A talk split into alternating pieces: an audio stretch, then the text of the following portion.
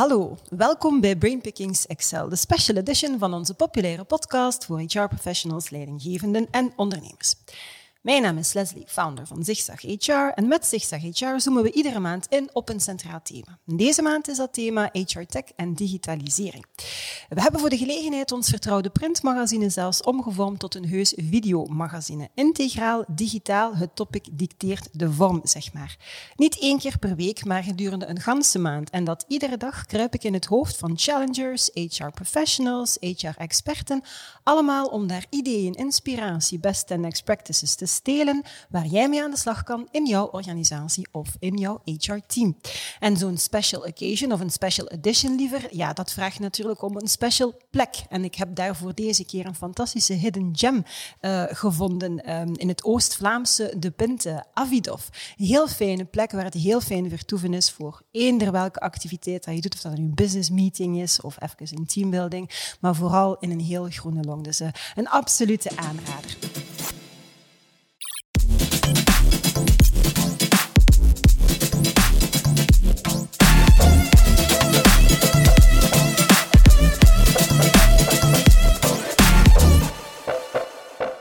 Vandaag in het hoofd kruipen van Ellen de Vleeschouwer, de enthousiaste general manager van AG Health Partner. Het bedrijf dat ze trouwens zelf heeft opgestart naar aanleiding van een concrete nood die ze detecteerde toen ze aan de slag was bij AG.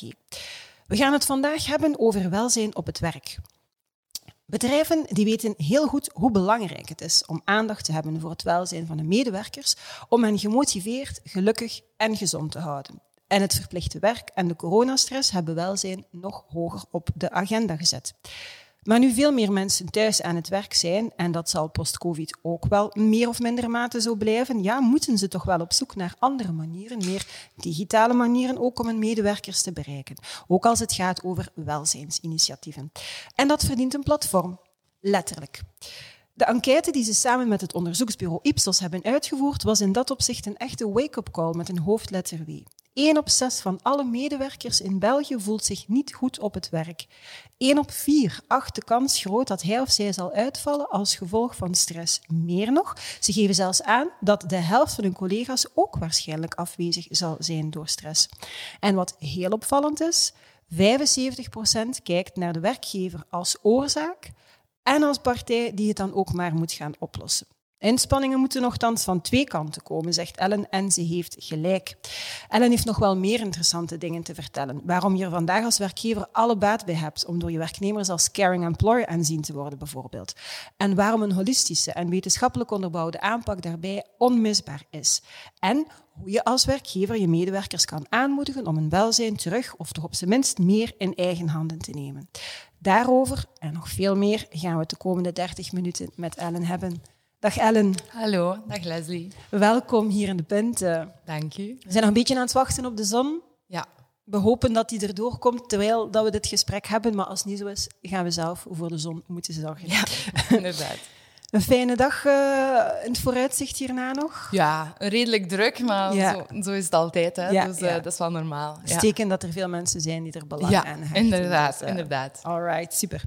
Um, Ellen, ik weet dat je, dat je twee kleine kinderen hebt thuis, maar ik mag gerust zeggen dat, dat AG Health Partner jouw derde mm -hmm. kindje is, want mm -hmm. jij hebt dat bedrijf zelf opgestart mm -hmm. vanuit de concrete nood die jij als werknemer bij AG had vastgesteld. Vertel. Wel ja, ik ben eigenlijk tien jaar uh, verantwoordelijk geweest voor de markt- en de productontwikkeling van alle ziekteverzekeringen bij AG. En uh, ziekteverzekeringen bij AG, dat omvat zowel de klassieke hospitalisatieverzekering als de verzekering gewaarborgd inkomen. En dat is eigenlijk typisch een verzekering die een rente uitkeert als iemand economisch arbeidsongeschikt wordt. Mm -hmm. En het was eigenlijk in het kader van die laatste verzekering dat we, ik zou zeggen, een drietal jaar geconfronteerd geweest zijn met een aantal heel interessante, maar toch verontrustende statistieken. Mm -hmm. We zagen vooral in die verzekering dat er een enorme stijging was van het aantal stressgerelateerde aandoeningen, psychische aandoeningen, zoals burn-out en depressie. En zoals dan een echte verzekeraar betaamt, hè, willen mm -hmm. we daar echte oorzaken van weten, zijn we alle statistieken gaan bekijken. En dan zagen we dat er twee grote problemen waren. Eerst en vooral er waren veel meer mensen die geconfronteerd waren met een psychische aandoening. Maar ten tweede, die mensen die met een burn-out bijvoorbeeld geconfronteerd werden, die vonden de weg niet meer terug naar het werk. En we zagen bijvoorbeeld, als ik het mij goed herinner, dat na twee jaar nog altijd meer dan 50% van de mensen thuis was. Dus nog altijd niet um, aan het werk. En als psychologe van origine, hè, een beetje een vreemde eend in de bijt bij een verzekeraar, ja, ja. ja, vond ik dat toch wel vrij confronterend. Omdat ja, met een burn-out hè, zou je toch moeten in staat kunnen zijn, mits begeleiding, om na zes tot acht maanden het werk terug te gaan hervatten. Of misschien een andere richting te geven aan uw carrière of uw loopbaan. En toch bleven al die mensen thuis. Dus toen wisten we van, oei, hier moet iets gebeuren. Hè. We moeten misschien een keer verder denken dan de Ja. Klassieke verzekeraar. Moeten proberen beyond insurance te gaan. En dan hebben we eigenlijk een soort return to work eh, traject ontwikkeld, samen met experten natuurlijk, om die mensen terug aan het werk te gaan krijgen. Dus die, die mensen die konden dan onmiddellijk terecht bij een team van psychologen, maar niet alleen psychologen, ook kinesisten, communicatie-experten, om gemakkelijker het werk te hervatten. En dat was eigenlijk wel een groot succes. Hè. De bedrijven waren tevreden, want ze wisten, oké, er wordt iets gedaan met mijn werknemer. Hè. Die heeft onmiddellijk toegang tot hulp. Ook die werknemer zelf, omdat ja, je hebt onlangs misschien nog gehoord, de wachtlijsten bij psychologen zijn nu enorm. ja. Toen was dat ook al. En we zagen dat mensen eigenlijk heel moeilijk toegang vonden tot hulp. Mhm. En als ze hulp vonden, misschien niet altijd de gespecialiseerde zorg om terug het werk te gaan hervatten. En natuurlijk voor de verzekeraar zelf, ik moet dat niet wegsteken, is het ook wel interessant dat de mensen terug kunnen gaan. Ja. Eh, of een andere wending geven aan hun carrière. Hè? Want dat zien we ook. Veel mensen die stoppen gewoon bij hun huidige werkgever of die gaan een andere uitdaging aan, die doen vrijwilligerswerk, die gaan een nieuwe opleiding volgen. Eigenlijk alles om ja, terug een nieuwe wending te gaan geven. Maar natuurlijk, het is eigenlijk een lang verhaal om te zeggen, die interesse was gewekt Mhm. ergens. Maar dat return to work traject was natuurlijk na de feiten. Hè, want de mensen waren al uitgevallen. En Ja. meer en meer werd ik geconfronteerd met bedrijven die zeiden... Ja, maar het is, het is wel goed, maar het is na de feiten. En kunnen jullie niet iets preventief gaan doen, bijvoorbeeld? Ehm, kunnen jullie ons daar niet bij helpen? Hè? We hebben iemand op boekhouding zitten, die heeft bijna een depressie. En toen ja, zijn we toch vanuit die vraag van de klant gaan verder denken. En ik zou zeggen, daar is AG Health Partner toch echt wel een beetje geboren. Hè? Als een eh, 100% dochter wel van Ja. AG, maar met de enige focus op ehm, het verbeteren van het welzijn op het werk in het Ja. algemeen. En ik zou zeggen, ondertussen zijn we met 16, hè, die de Ja. enige focus heeft daarop. En ja, als ik zo'n beetje de verwijzing maak naar de pers, dan denk ik toch dat we net op tijd geboren zijn. Ja. Hè? Het is misschien wat raar om te zeggen, maar nu met de new ways of working, met hybride werken, op de, met de vierde golf die op ons afkomt, hè, ik wil het niet zo dramatisch laten klinken, maar toch die mentale golf, denk ik wel dat we er net op tijd zijn. Allee, ook al moeten we niet altijd focussen op dat mentale. Hè. Ik denk dat het veel breder gaat. De een heeft inderdaad meer nood aan ondersteuning op vlak van mentaal welzijn. Maar bij de andere moeten we meer gaan ondersteunen op vlak van fysiek welzijn. hè. Moeten we die misschien letterlijk van achter zijn thuiswerkbureau halen, hè, omdat er veel klachten zijn. Maar ik denk dat toch wel alle hens aan dek is nu voor werkgevers om ja, toch meer als een, een, een, een caring employer te zijn, om toch meer die zorgzame rol eigenlijk te gaan opnemen. Ja, Oké. Caring employer, dat is inderdaad eh, heel belangrijk. Hè? Ehm, geef je aan. Eh, Waarom is dat dan? Ehm, en ehm, vooral, hoe doe je dat dan? Eh, heel concreet. Zeker hè, nu dat mensen effectief veel meer, of soms allemaal, van thuis uit aan het werk zijn. Ja, wel, je haalde het daarnet al een beetje aan in je intro. Hè. We hebben dus dat onderzoek gedaan met Ipsos. Eh, dat was vorig jaar in juni bij een duizendtal werknemers. Echt om te gaan kijken van hoe voelen mensen zich nu exact op het werk en wat is de kans dat ze zelf achten dat ze gaan uitvallen. En inderdaad, je haalde het al aan. Hè. Eén op de zes, ah, één op de vijf eigenlijk eh, gaf aan dat ze zich niet goed voelden op het werk. Eh, maar wat dat voor mij nog veel confronterender was in die cijfers, is vooral het verschil in perceptie. Hè. Wanneer dat de werkgever zijn, eh, eh, sorry, de werknemer zijn werkgever percipieert als een zorgzame werkgever Ja. ten opzichte van een zakelijke of een niet zorgzame werkgever, ja, is, heeft dat een heel grote impact op hoe dat iemand zich voelt. Hè. We zien dat bijvoorbeeld werknemers die hun werkgever als heel businesslike of zakelijk percipiëren. Meer transactioneel Ja, bedoel je dan eigenlijk? Jij betaalt en ik doe maar Voilà, werk, inderdaad, Mhm. op die manier. Dat eigenlijk die 1 op 6, dat dat eigenlijk naar 1 op 2 schuift. Dat 1 op 2 zich niet goed voelt op het werk. Ja. En ook het vlak, allee, op manier van de inschatting van dat ze Mhm. gaan uitvallen in de toekomst. Bij een zakelijke werkgever schat 42% van de mensen in dat ze in de nabije toekomst wel een keer zouden kunnen uitvallen omwille van stressgerelateerde aandoening. Dus ja, die perceptie speelt toch heel hard, hard mee bij de mensen. En ik denk dat dat voor COVID wel een impact had, maar dat dat vandaag eigenlijk nog wel uitvergroot Ja. is, ook door de context Ja. waarin dat we ons bevinden. En ik denk dat bedrijven niet alleen moeten nadenken over hoe dat ze die zorgzame rol eh, moeten gaan opnemen, hè, welke initiatieven dat ze gaan moeten nemen, maar vooral ook hoe dat, dat gepercipieerd kan worden door hun Ja. medewerkers. Want vandaag is iedereen thuis, of een grote meerderheid is thuis, dus het volstaat niet meer om een fruitmand te plaatsen of om on-site yoga-sessies te gaan organiseren. Dat volstaat niet meer. Je moet op zoek gaan naar andere manieren om uit te stralen hoe zorgzaam dat je eigenlijk wel niet bent voor je werknemers. En ja, dat je mensen ook een beetje een idee geeft van waar kan ik terecht met mijn Ja. vragen? Waar, allee, hoe is mijn werkgever er eigenlijk voor mij? Ja, hoe betrokken is mijn werkgever met mij en, Ja. en, en mijn holistische persoon eigenlijk Ja. zelfs. En niet alleen als werknemer. Ja, hè? ja, ja. Inderdaad. Ja. Mhm. Ehm, nu, jullie hebben ook samen met eh, de Vigor Unit, een van jullie eh, partners, de ingrediënten een beetje uitgewerkt die volgens jullie noodzakelijk zijn om zo'n succesvol welzijnsbeleid ehm, te gaan uitwerken. Sensibilisering, screening, education, behavioral change. Kan je daar misschien iets meer over vertellen? En moet dat dan nu ook allemaal ja, uitsluitend digitaal? Ja, wel, vanaf de start van AG Health Partner vond ik het altijd heel belangrijk dat er een sterk wetenschappelijk fundament was. Hè, dat die wetenschappelijke basis er is. Ik verwacht dat ook van alle partners met wie dat we samenwerken. En wat ik aan het begin wel moeilijk vond, was eigenlijk de definitie welzijn. Of well-being in het extreme. Wat is dat nu eigenlijk? Ehm, als je aan tien mensen een definitie van welzijn vraagt, dan krijg je waarschijnlijk tien verschillende definities. En daarom ben ik ook met Cedric van de Vigor Unit in zee gegaan, die jullie ook heel goed kennen, hè. Ehm, om dan een keer verder te gaan onderzoeken. En voor mij was dat ook een beetje een terugkeer naar de roots, want ik weet niet of dat je dat weet, maar ik zat samen met Cedric in de klas. Hè. We Dat hebben- wist ik ja, niet. voilà. Ja, oké. Ja. We hebben samen bedrijfspsychologie gevolgd, hè, gegeven door Ja. Frederik onder andere. Dus zo is de cirkel rond.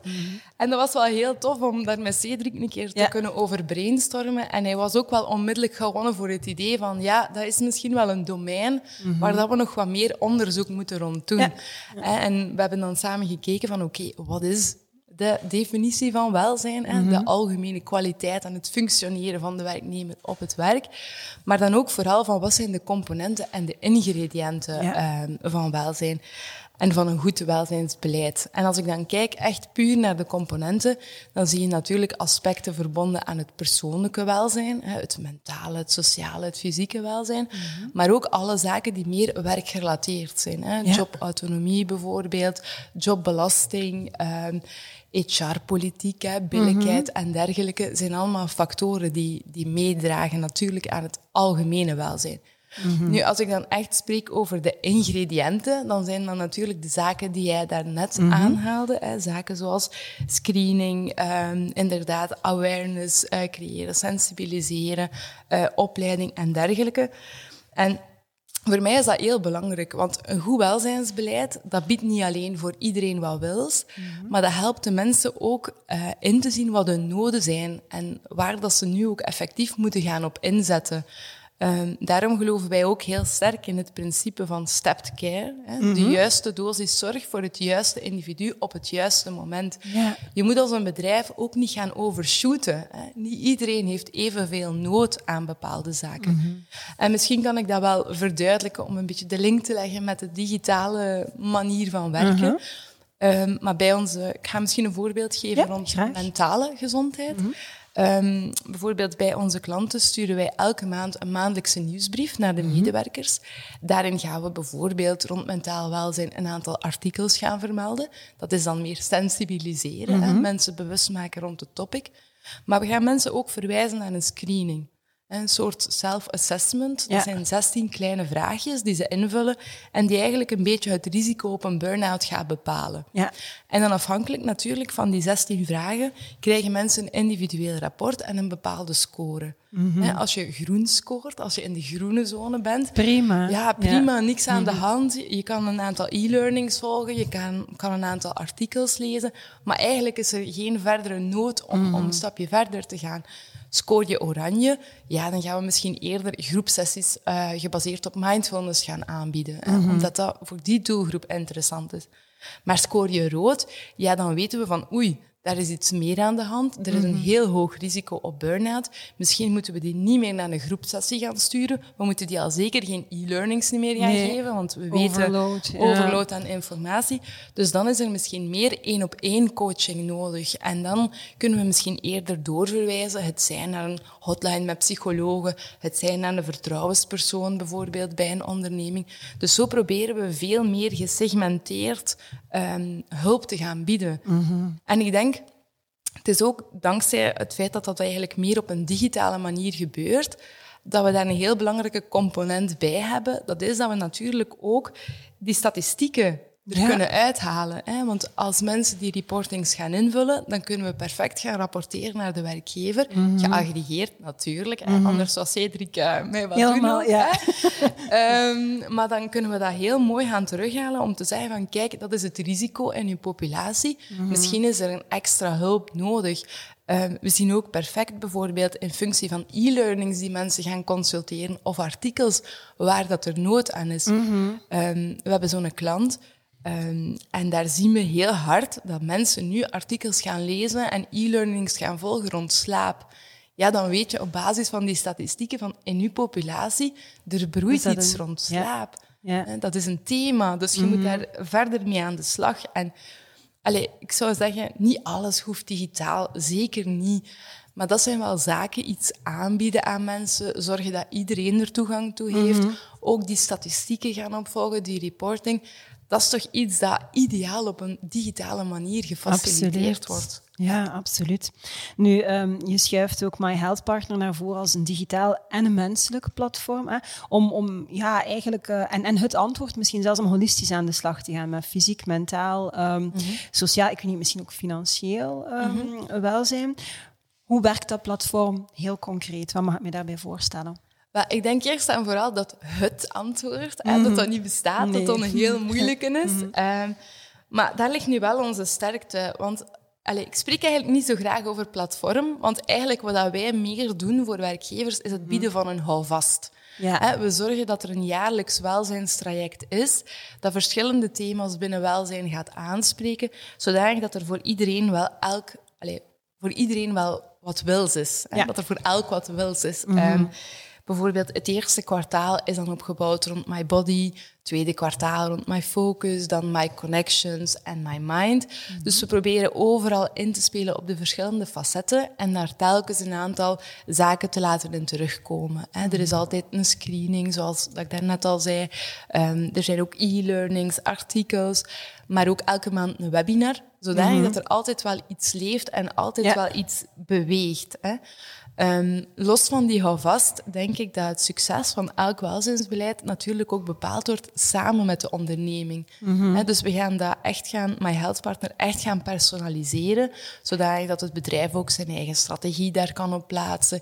Initiatieven uit het verleden bijvoorbeeld, of nieuwe initiatieven, um, zodat dat ze echt een, een strategie kunnen weergeven. Ook bijvoorbeeld tipsheets rond ergonomie. Er worden zoveel leuke dingen gemaakt binnen ondernemingen die dan ergens in een vergeethoekje op het intranet geplaatst zonde. staan. Zonde, niemand vindt dat terug. Dus we willen alles gaan centraliseren. En wat we ook gemerkt hebben bij onze klanten is het belang van contactinformatie te geven. Want bijvoorbeeld als je een probleem hebt, ja, wie is mijn HR-business partner? Wie is de vertrouwenspersoon?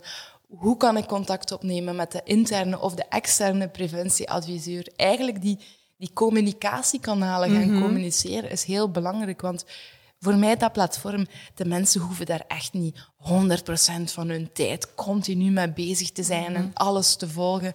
Ze moeten gewoon weten van, als ik er nood aan heb, Ik kan daar terugvinden bij wie dat ik terecht kan, wanneer dat ik daar terecht kan.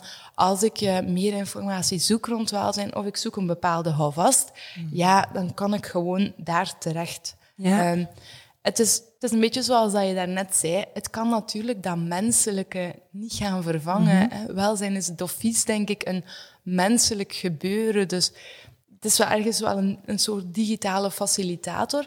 Maar door webinars te geven, dat is dan one-to-many, of mhm. persoonlijke coaching, one-to-one, of kleine coachingstrajecten, one-to-few noemen we dat. Mhm. Er is altijd wel een persoon betrokken ja. in, die, in die maandelijkse coachingsprogramma's die ik net aanhaalde, ja, dat zijn langdurige welzijnstrajecten. Dat duurt vier maanden, dat mensen rond een bepaald thema van welzijn gaan werken. Er is ene coach. Die coach geeft een aantal workshops, er zijn een aantal challenges in. Mensen gaan elkaar ook gaan motiveren. Er is een community. Ja, dat heb je nodig om echt een goed welzijnsbeleid uit te bouwen. Want ja, webinars zijn allemaal tof, maar door een webinar te zien, je gaat misschien een keer, of door deze podcast te mhm. beluisteren, je gaat één of twee inzichten ermee eruit halen, daarmee mhm. aan de slag gaan. Maar als je echt op een duurzame manier gedrag wil aanpassen, ja, dan moet je daar toch een langere periode mee bezig zijn. Met vallen en opstaan. Ja, en zorgen dat het inderdaad ook op de radar blijft, hè, wat, ik jou hoor zeggen. Um, dus dat is eigenlijk hoe, hoe het platform werkt. Ook al mogen het inderdaad geen platform kapstok, hou vast, leidraad. We hebben zelf ook nog ehm, niet de goede term gevonden. Mensen kunnen misschien suggesties doorsturen. Ja, voilà, altijd welkom. Altijd welkom. Ehm, dus dat is één aspect, maar nu de, de, de problemen um, die jullie hiervoor dan oplossen, voor HR en voor de werkgever, hoe kun je dat benoemen? ik denk wat wij proberen te bieden is een beetje ontzorging. We mhm. proberen werkgevers echt te gaan ondersteunen. We hebben de garantie eigenlijk dat er het hele jaar door aandacht wordt besteed aan welzijn. Dus dat mensen altijd wel iets nieuws kunnen gaan oppikken, dat ze altijd een nieuwe ondersteuning kunnen hebben.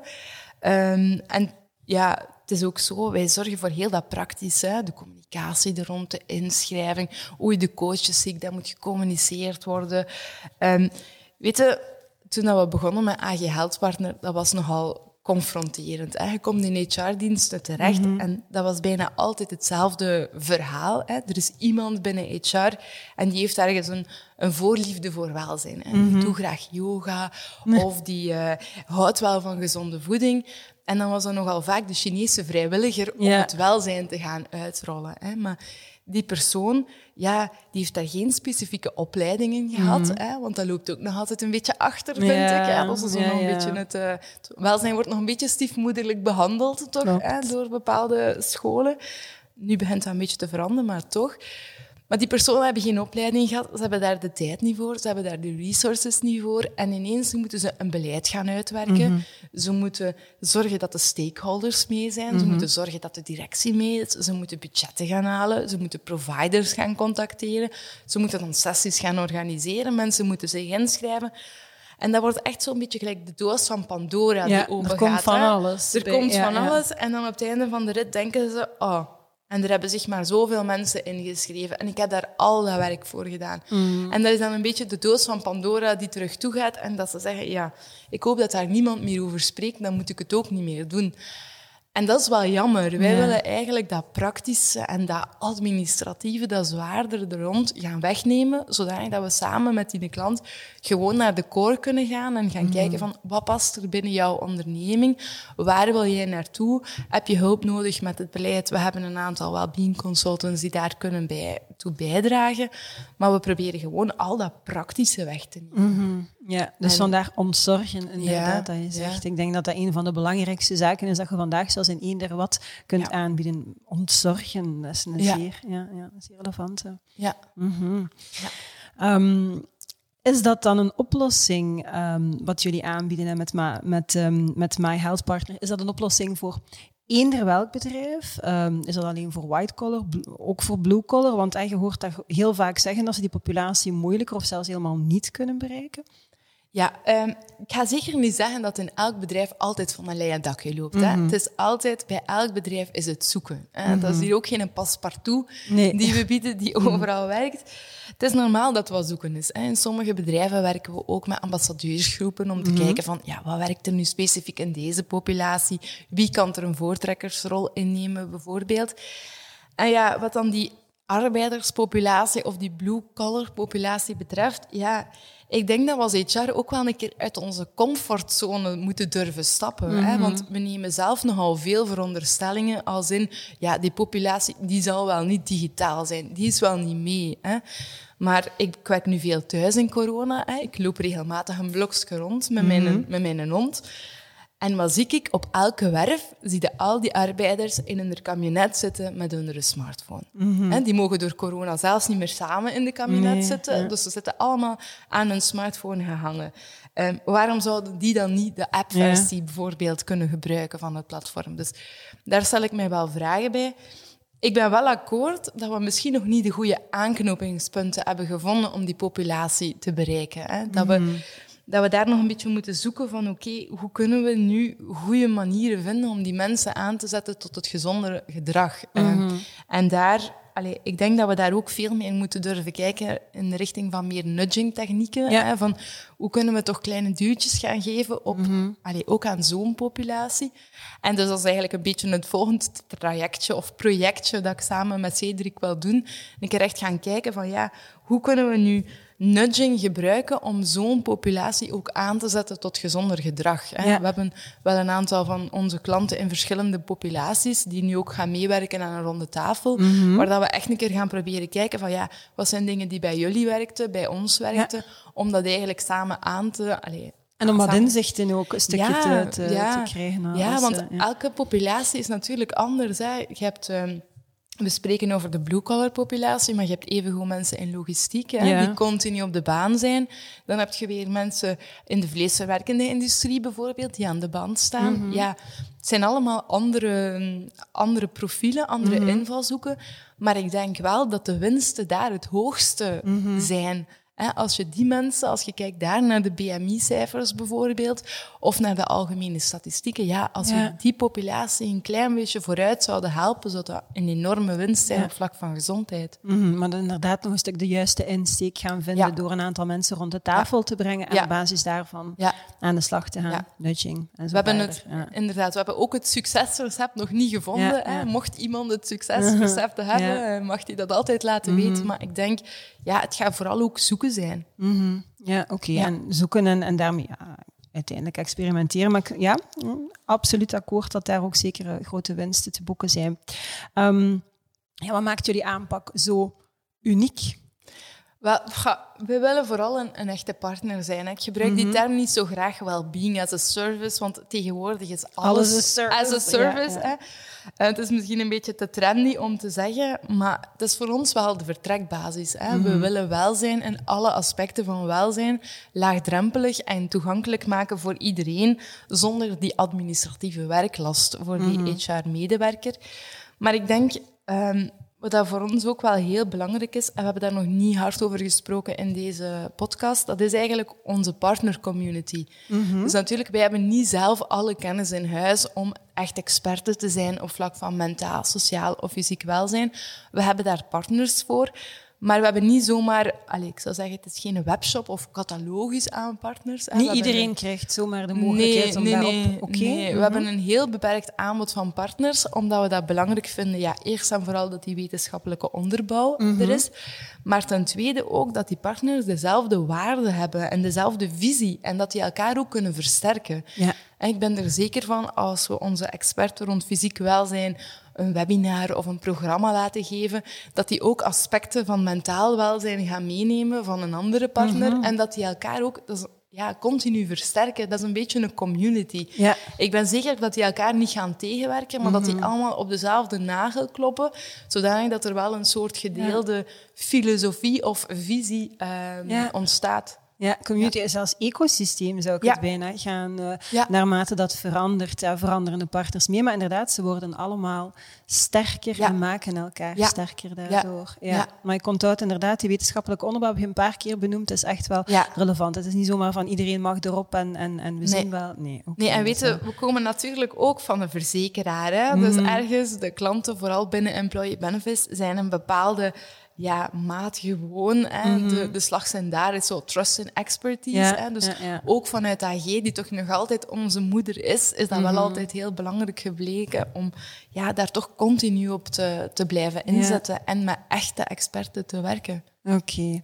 Ehm, misschien tot slot nog, Ellen, als er ehm, drie dingen zijn die jij nu aan mag meegeven als het gaat over HR, digitalisering en welzijn. Wat, wat zijn jouw drie ultieme boodschappen voor iedereen die luistert of kijkt? Ja, drie. Ehm, Mogen er minder of meer zijn? Ik vind drie gewoon een magisch Ja, ja ik, ik zal proberen Ja. met drie te werken. Ehm, ik denk, ja, de eerste, ik denk, ja, het is toch, ja, it's time to step up your game. Hè? Mhm. Ik denk dat HR vandaag, en zeker in de toekomst, toch een andere, meer strategische rol zou moeten beginnen innemen. En dat kan ook een heel grote impact hebben op de werknemers. Hè? Want Mhm. we hebben daar juist gezien, ook tijdens de podcast, dat de visie of de perceptie ehm, heel hard gaat meespelen Mhm. bij werknemers. Dus het feit, ja, HR mag dat echt wel opeisen om zo meer een strategische partner ehm, te worden.